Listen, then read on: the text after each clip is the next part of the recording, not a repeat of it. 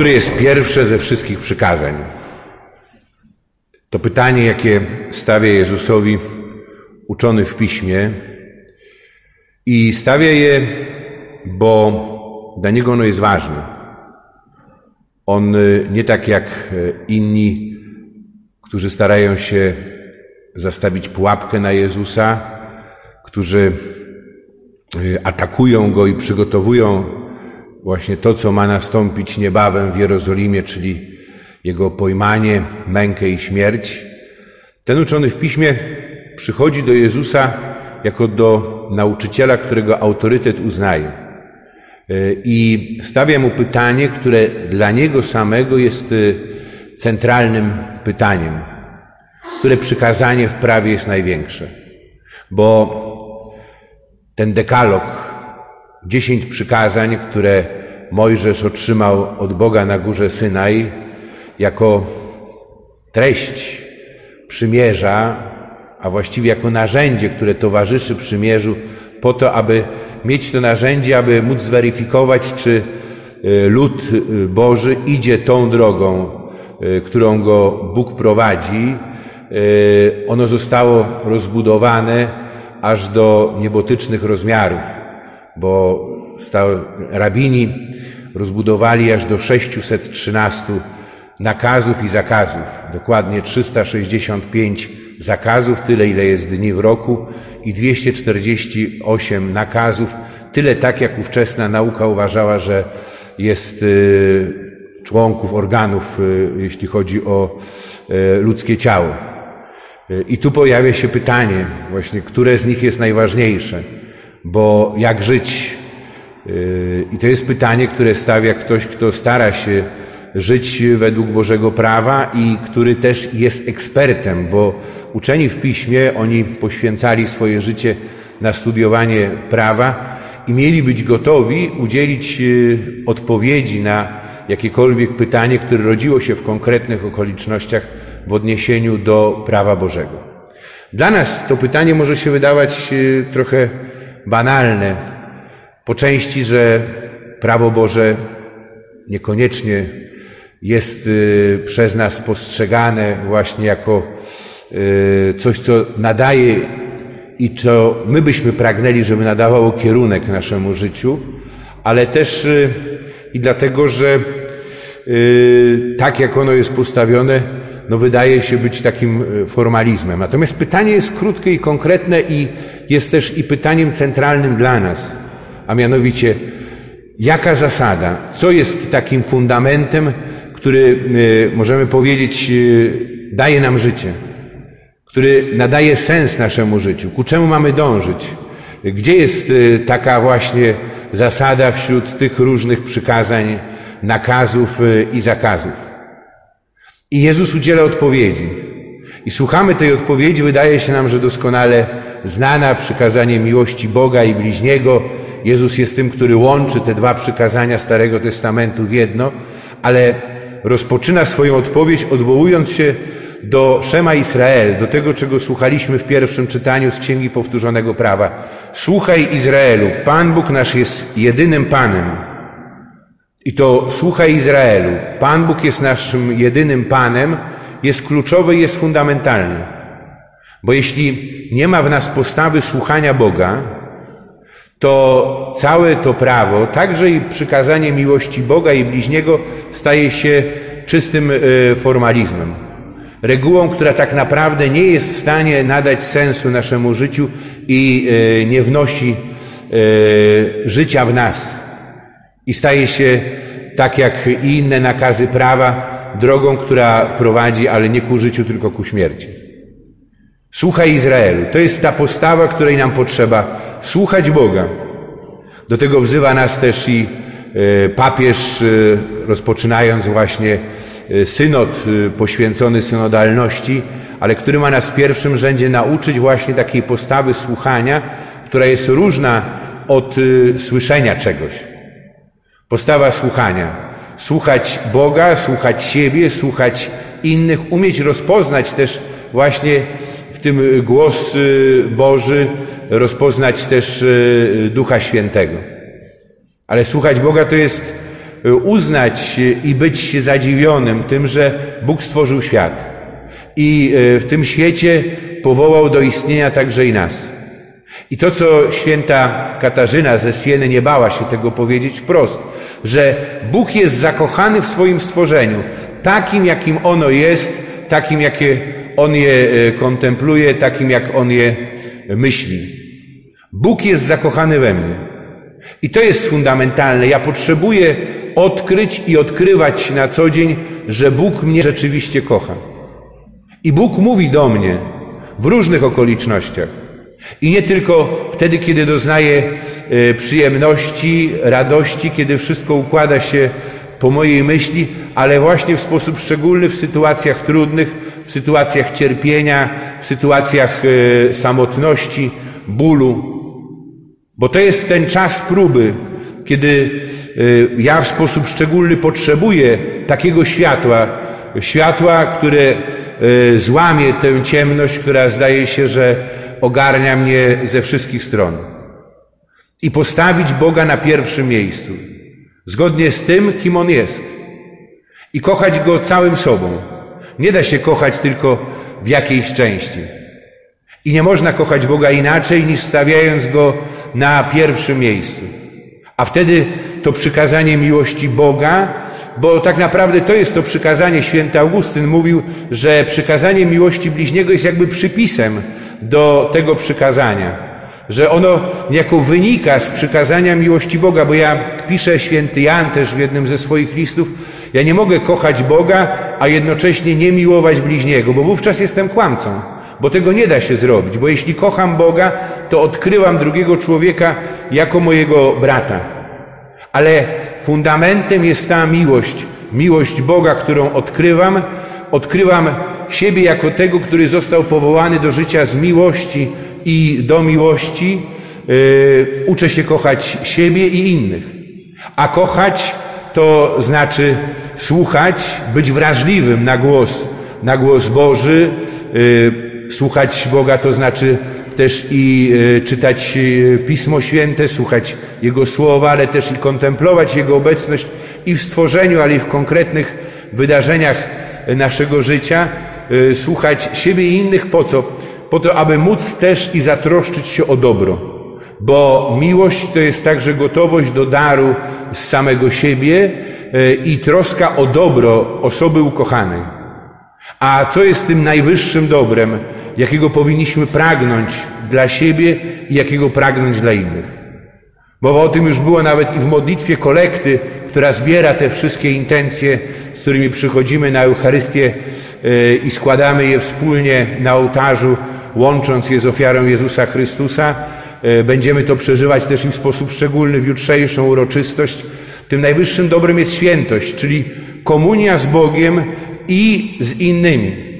Bo zachowywanie, troska o to przykazanie miłości Boga i bliźniego prowadzi nas do komunii, do zjednoczenia z Bogiem i przez Boga do e, zjednoczenia e, z braćmi e, i siostrami.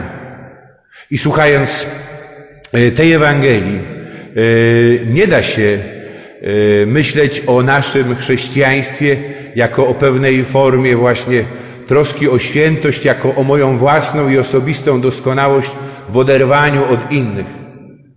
Tu nie chodzi o to, żebym ja starał się e, o e, cnoty e, poprzez swój wysiłek i jednocześnie też i patrzył z dystansu czy z wysokości na innych, uważając się za lepszego, za bardziej sprawiedliwego, za godniejszego zbawienia i miłości od innych. Bóg jest zakochany we mnie, ale jest zakochany w każdym swoim stworzeniu. Bóg kocha każdą i każdego z nas. Kocha tak, jakbyśmy byli jedyni i jesteśmy dla Niego wyjątkowi, ale jednocześnie kocha nas też i we wspólnocie. I miłość Boga, ona łączy nas ze sobą. Łączy i prowadzi do chrześcijańskiego świadectwa miłości bliźniego. I oczywiście ważne jest to, co się dzieje w świecie. I nie możemy zamykać oczu na e, to, co dzieje się daleko od nas, bo jesteśmy za to współodpowiedzialni, ale w pierwszym rzędzie mamy zatroszczyć się o te relacje najbliższe, o te relacje w naszych rodzinach, w sąsiedztwie, miejscu pracy. Tu jest y, ta przestrzeń, w której w pierwszym rzędzie dokonuje się sprawdzenie autentyczności mojej miłości do Boga poprzez moją relację do innych. I wiemy, że to nie jest proste, że jest to trudne, ba, trzeba powiedzieć jasno, to przekracza nasze, to przekracza moje możliwości. Bez Chrystusa byłoby to niemożliwe. I to jest to, czego brakuje temu uczonemu w piśmie. Jezus mówi: Niedaleko jesteś od Królestwa Bożego. Czego mu brakuje? Uznania w Jezusie nie tylko nauczyciela, ale rozpoznania, że On jest Synem Bożym, że jest Zbawicielem i uznania w Jezusie też i swojego Pana, czyli naśladowania Jezusa aż po krzyż, pamiętając, że ta droga na krzyżu się nie kończy, tylko idzie dalej do radości poranka wielkanocnego. I ta nasza troska o dobro innych, która będzie się przejawiała w różny sposób, w różnych formach, ale to jest też i ta troska e, o to, aby e, inni doświadczali tej bliskości, e, miłości ze strony Boga, aby mogli też i usłyszeć ten głos, który my rozpoznajemy, który dociera do naszego serca. I ja myślę o takich dwóch przykładach. Wczorajszy dzień, kiedy z jednej strony chodziłem już wcześniej z tym Słowem Bożym, a z drugiej byłem wczoraj na pogrzebie mm, członka ojca takiej zaprzyjaźnionej rodziny od bardzo wielu lat, właściwie od początków e, mojego kapłaństwa. Kazanie miał na pogrzebie e, ksiądz, który należy do rodziny.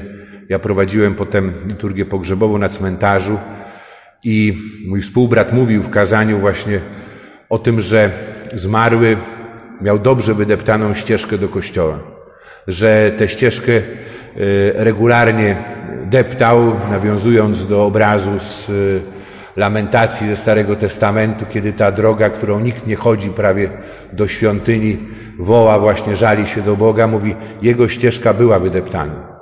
Ja mogłem dopowiedzieć, że wtedy, kiedy nie mógł być i nie mógł deptać tej ścieżki w sposób fizyczny, kiedy zdrowie mu na to nie pozwalało, to deptał ją w inny sposób i uczestniczył poprzez internet w naszej tu modlitwie wieńcu.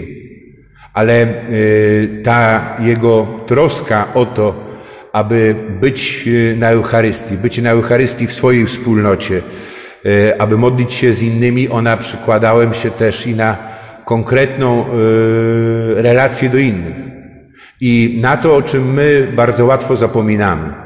Bo my zapomnieliśmy prawie już, jak to było nie tak dawno, w czasach komunistycznych, e, kiedy e, Kościół i wiara były prześladowane. Nie w sposób może tak drastyczny, jak e, w sąsiednich krajach bloku komunistycznego, ale tak było i nie chodzi tylko o męczenników, ale też i choćby o przekaz wiary. Lekcje religii, które po okresie stalinowskim wróciły do szkoły Potem w czasie rządów Gomułki, bodajże w 1961 roku zostały na nowo usunięte ze szkół i przed Kościołem stanęła, e, stanęło wielkie wyzwanie, aby o ten przekaz wiary, o formację e, młodych e, chrześcijan się zatroszczyć. I ta katecheza parafialna, która nie miała miejsca tylko przy Kościele, możliwości komunikacyjne wówczas były inne, inne też i sposób życia i bardzo wiele osób otworzyło swoje domy. I u nich w domu była e, prowadzona katecheza, co łączyło się z konkretnymi represjami, bo byli wzywani na posterunek milicji, byli nachodzeni przez E, funkcjonariuszy służby bezpieczeństwa w cywilu, bo byli poddawani takiej czy innej presji, groźbą, e, które przekładały się, nie wiem, na to, że ich dzieci nie mogły studiować, że mieli takie czy inne trudności. I do nich należał właśnie ten zmarły, w którego pogrzebie wczoraj uczestniczyłem i nie bał się i dla niego nie było to jakimś, dla jego żony, heroicznym. Ja pamiętam, jak wiele lat temu o tym rozmawialiśmy, tylko było czymś zupełnie naturalnym, było czymś oczywistym, E, nad czym się praktycznie nie zastanawiał. I mówiłem właśnie o tym świadectwie, to, które zostało zapomniane. Uhonorowani zostali inni, po zmianach, jakie nastąpiły, też i kariery w Kościele porobili ludzie, którzy niekoniecznie w sposób heroiczny przeszli tam ten czas. Zasłużonymi dla Kościoła zostali uznani ci, którzy mieli jakiś materialny udział w dziele Kościoła, choć jednocześnie były sytuacje, że nie wiem, nie płacili swoim pracownikom za, e, za pracę, czyli to jest grzech, który woła o pomstę do nieba. Różne takie sytuacje, ale nie o tym chcę teraz mówić, tylko że o tych właśnie, jak papież ich nazywa, świętych sąsiedztwa, czyli tych, którzy dali takie heroiczne świadectwo wiary, prawie dzisiaj nikt nie pamięta. I warto pomyśleć o nas, bo przecież u nas na terenie naszej parafii też taka katecheza była w domach prowadzona. Ja przy okazji kolendy nieraz do tego nawiązuję i myślę, że też i yy, potomkowie tych, którzy to czynili, nie do końca doceniają wartość tego, co ich yy, ojcowie, co ich dziadkowie yy, uczynili. Że potrzeba nam właśnie takiej pamięci też o takiej heroiczności i to jest też konkretna forma miłości bliźniego. I druga, y, no wczoraj też zmarła Jagoda Malicka, nasza parafianka, razem z mężem zaangażowani też w życie naszej wspólnoty. Ja wczoraj po południu pojechałem na różaniec do figurki świętego Józefa, bo przy okazji misji właśnie oni jakby też wspólnie rozmawialiśmy o tym, ja ich trochę też ich zainspirowałem i ta figurka i kapliczka świętego Józefa przy ich domu y, powstała, ale oni zatroszczyli się o to, że to jest taka przestrzeń wygospodarowana, gdzie każdy czuje się u siebie, gdzie każdy może e, wejść z zewnątrz. E, I wczoraj, kiedy modliliśmy się tam na różańcu, tam co, codziennie był odmawiany różaniec, tak jak jest i majowe, i tam okoliczna grupka osób, ale to bardzo ważne, spotyka się E, na modlitwie. Ja tak wczoraj myślałem, kiedy byłem na tym różańcu i tak miałem tam wcześniej pojechać właśnie na zakończenie różańca się już e, umawialiśmy, modliliśmy się za Jagodę też i za ich bliskich, ale to jest takie poczucie, że jakby się siedziało, nie wiem, w kuchni w domu, czy które jest sercem, prawda, domu, że tam każdy czuje się u siebie, e, każdy czuje się zaakceptowany, ważny, jest jakby też i objęty tą czułością, troską, Yy, I jakby też i to prowadzi do tego, że ja się otwieram też i na innych, że słucham siebie wzajemnie, że ta modlitwa, ona rzeczywiście tworzy taką więź i taką przestrzeń. Prawda? Wydawałoby się, że to jest nic, że tutaj nie potrzeba było heroizmu, ale potrzeba pewnego kroku, pewnego zdecydowania. I chodzi o co? Chodzi o to, żebyśmy my, myśląc o miłości Boga i bliźniego, myśleli też i o takich przestrzeniach, których nam bardzo potrzeba których drugi będzie mógł się czuć jak u siebie, będzie mógł się czuć przygarnięty, będzie mógł się y, czuć, y, możemy powiedzieć, właśnie ważny, nieodrzucony, nienapiętnowany, gdzie będzie mógł, jeśli będzie taka sytuacja, doświadczyć y, też i pomocy i umocnienia i gdzie jednocześnie sam będzie mógł obdarowywać sobą innych. Taką y, propozycją jest to, do czego będziemy też na koniec mszy po raz kolejny zaproszeni, czyli te spotkania małych grup domowych. Prawda? Kiedy spotykamy się z najbliższymi, z kimś z sąsiedztwa, kilka osób, mamy przygotowany materiał, prawda? Świadectwo do odtworzenia jakiejś osoby, która przeżyła coś ważnego w życiu i potem pytania właśnie do rozmowy o tym, co rzeczywiście ważne i istotne.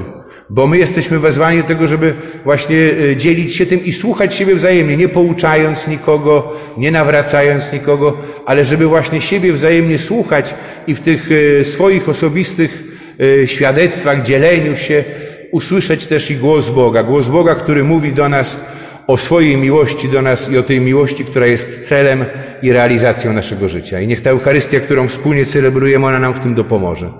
Doda nam odwagi do tego, abyśmy nie bali się otworzyć na innych, nie uciekali przed sobą, ale abyśmy dążyli do takiej bliskości, e, wrażliwi na e, głos drugiego, na jego potrzeby, dając jednocześnie świadectwo o tym, który jest dla nas i e, tym, który dał nam życie, który obdarował nas miłością i który nam pomaga w tej miłości wzrastać każdego dnia. Amen.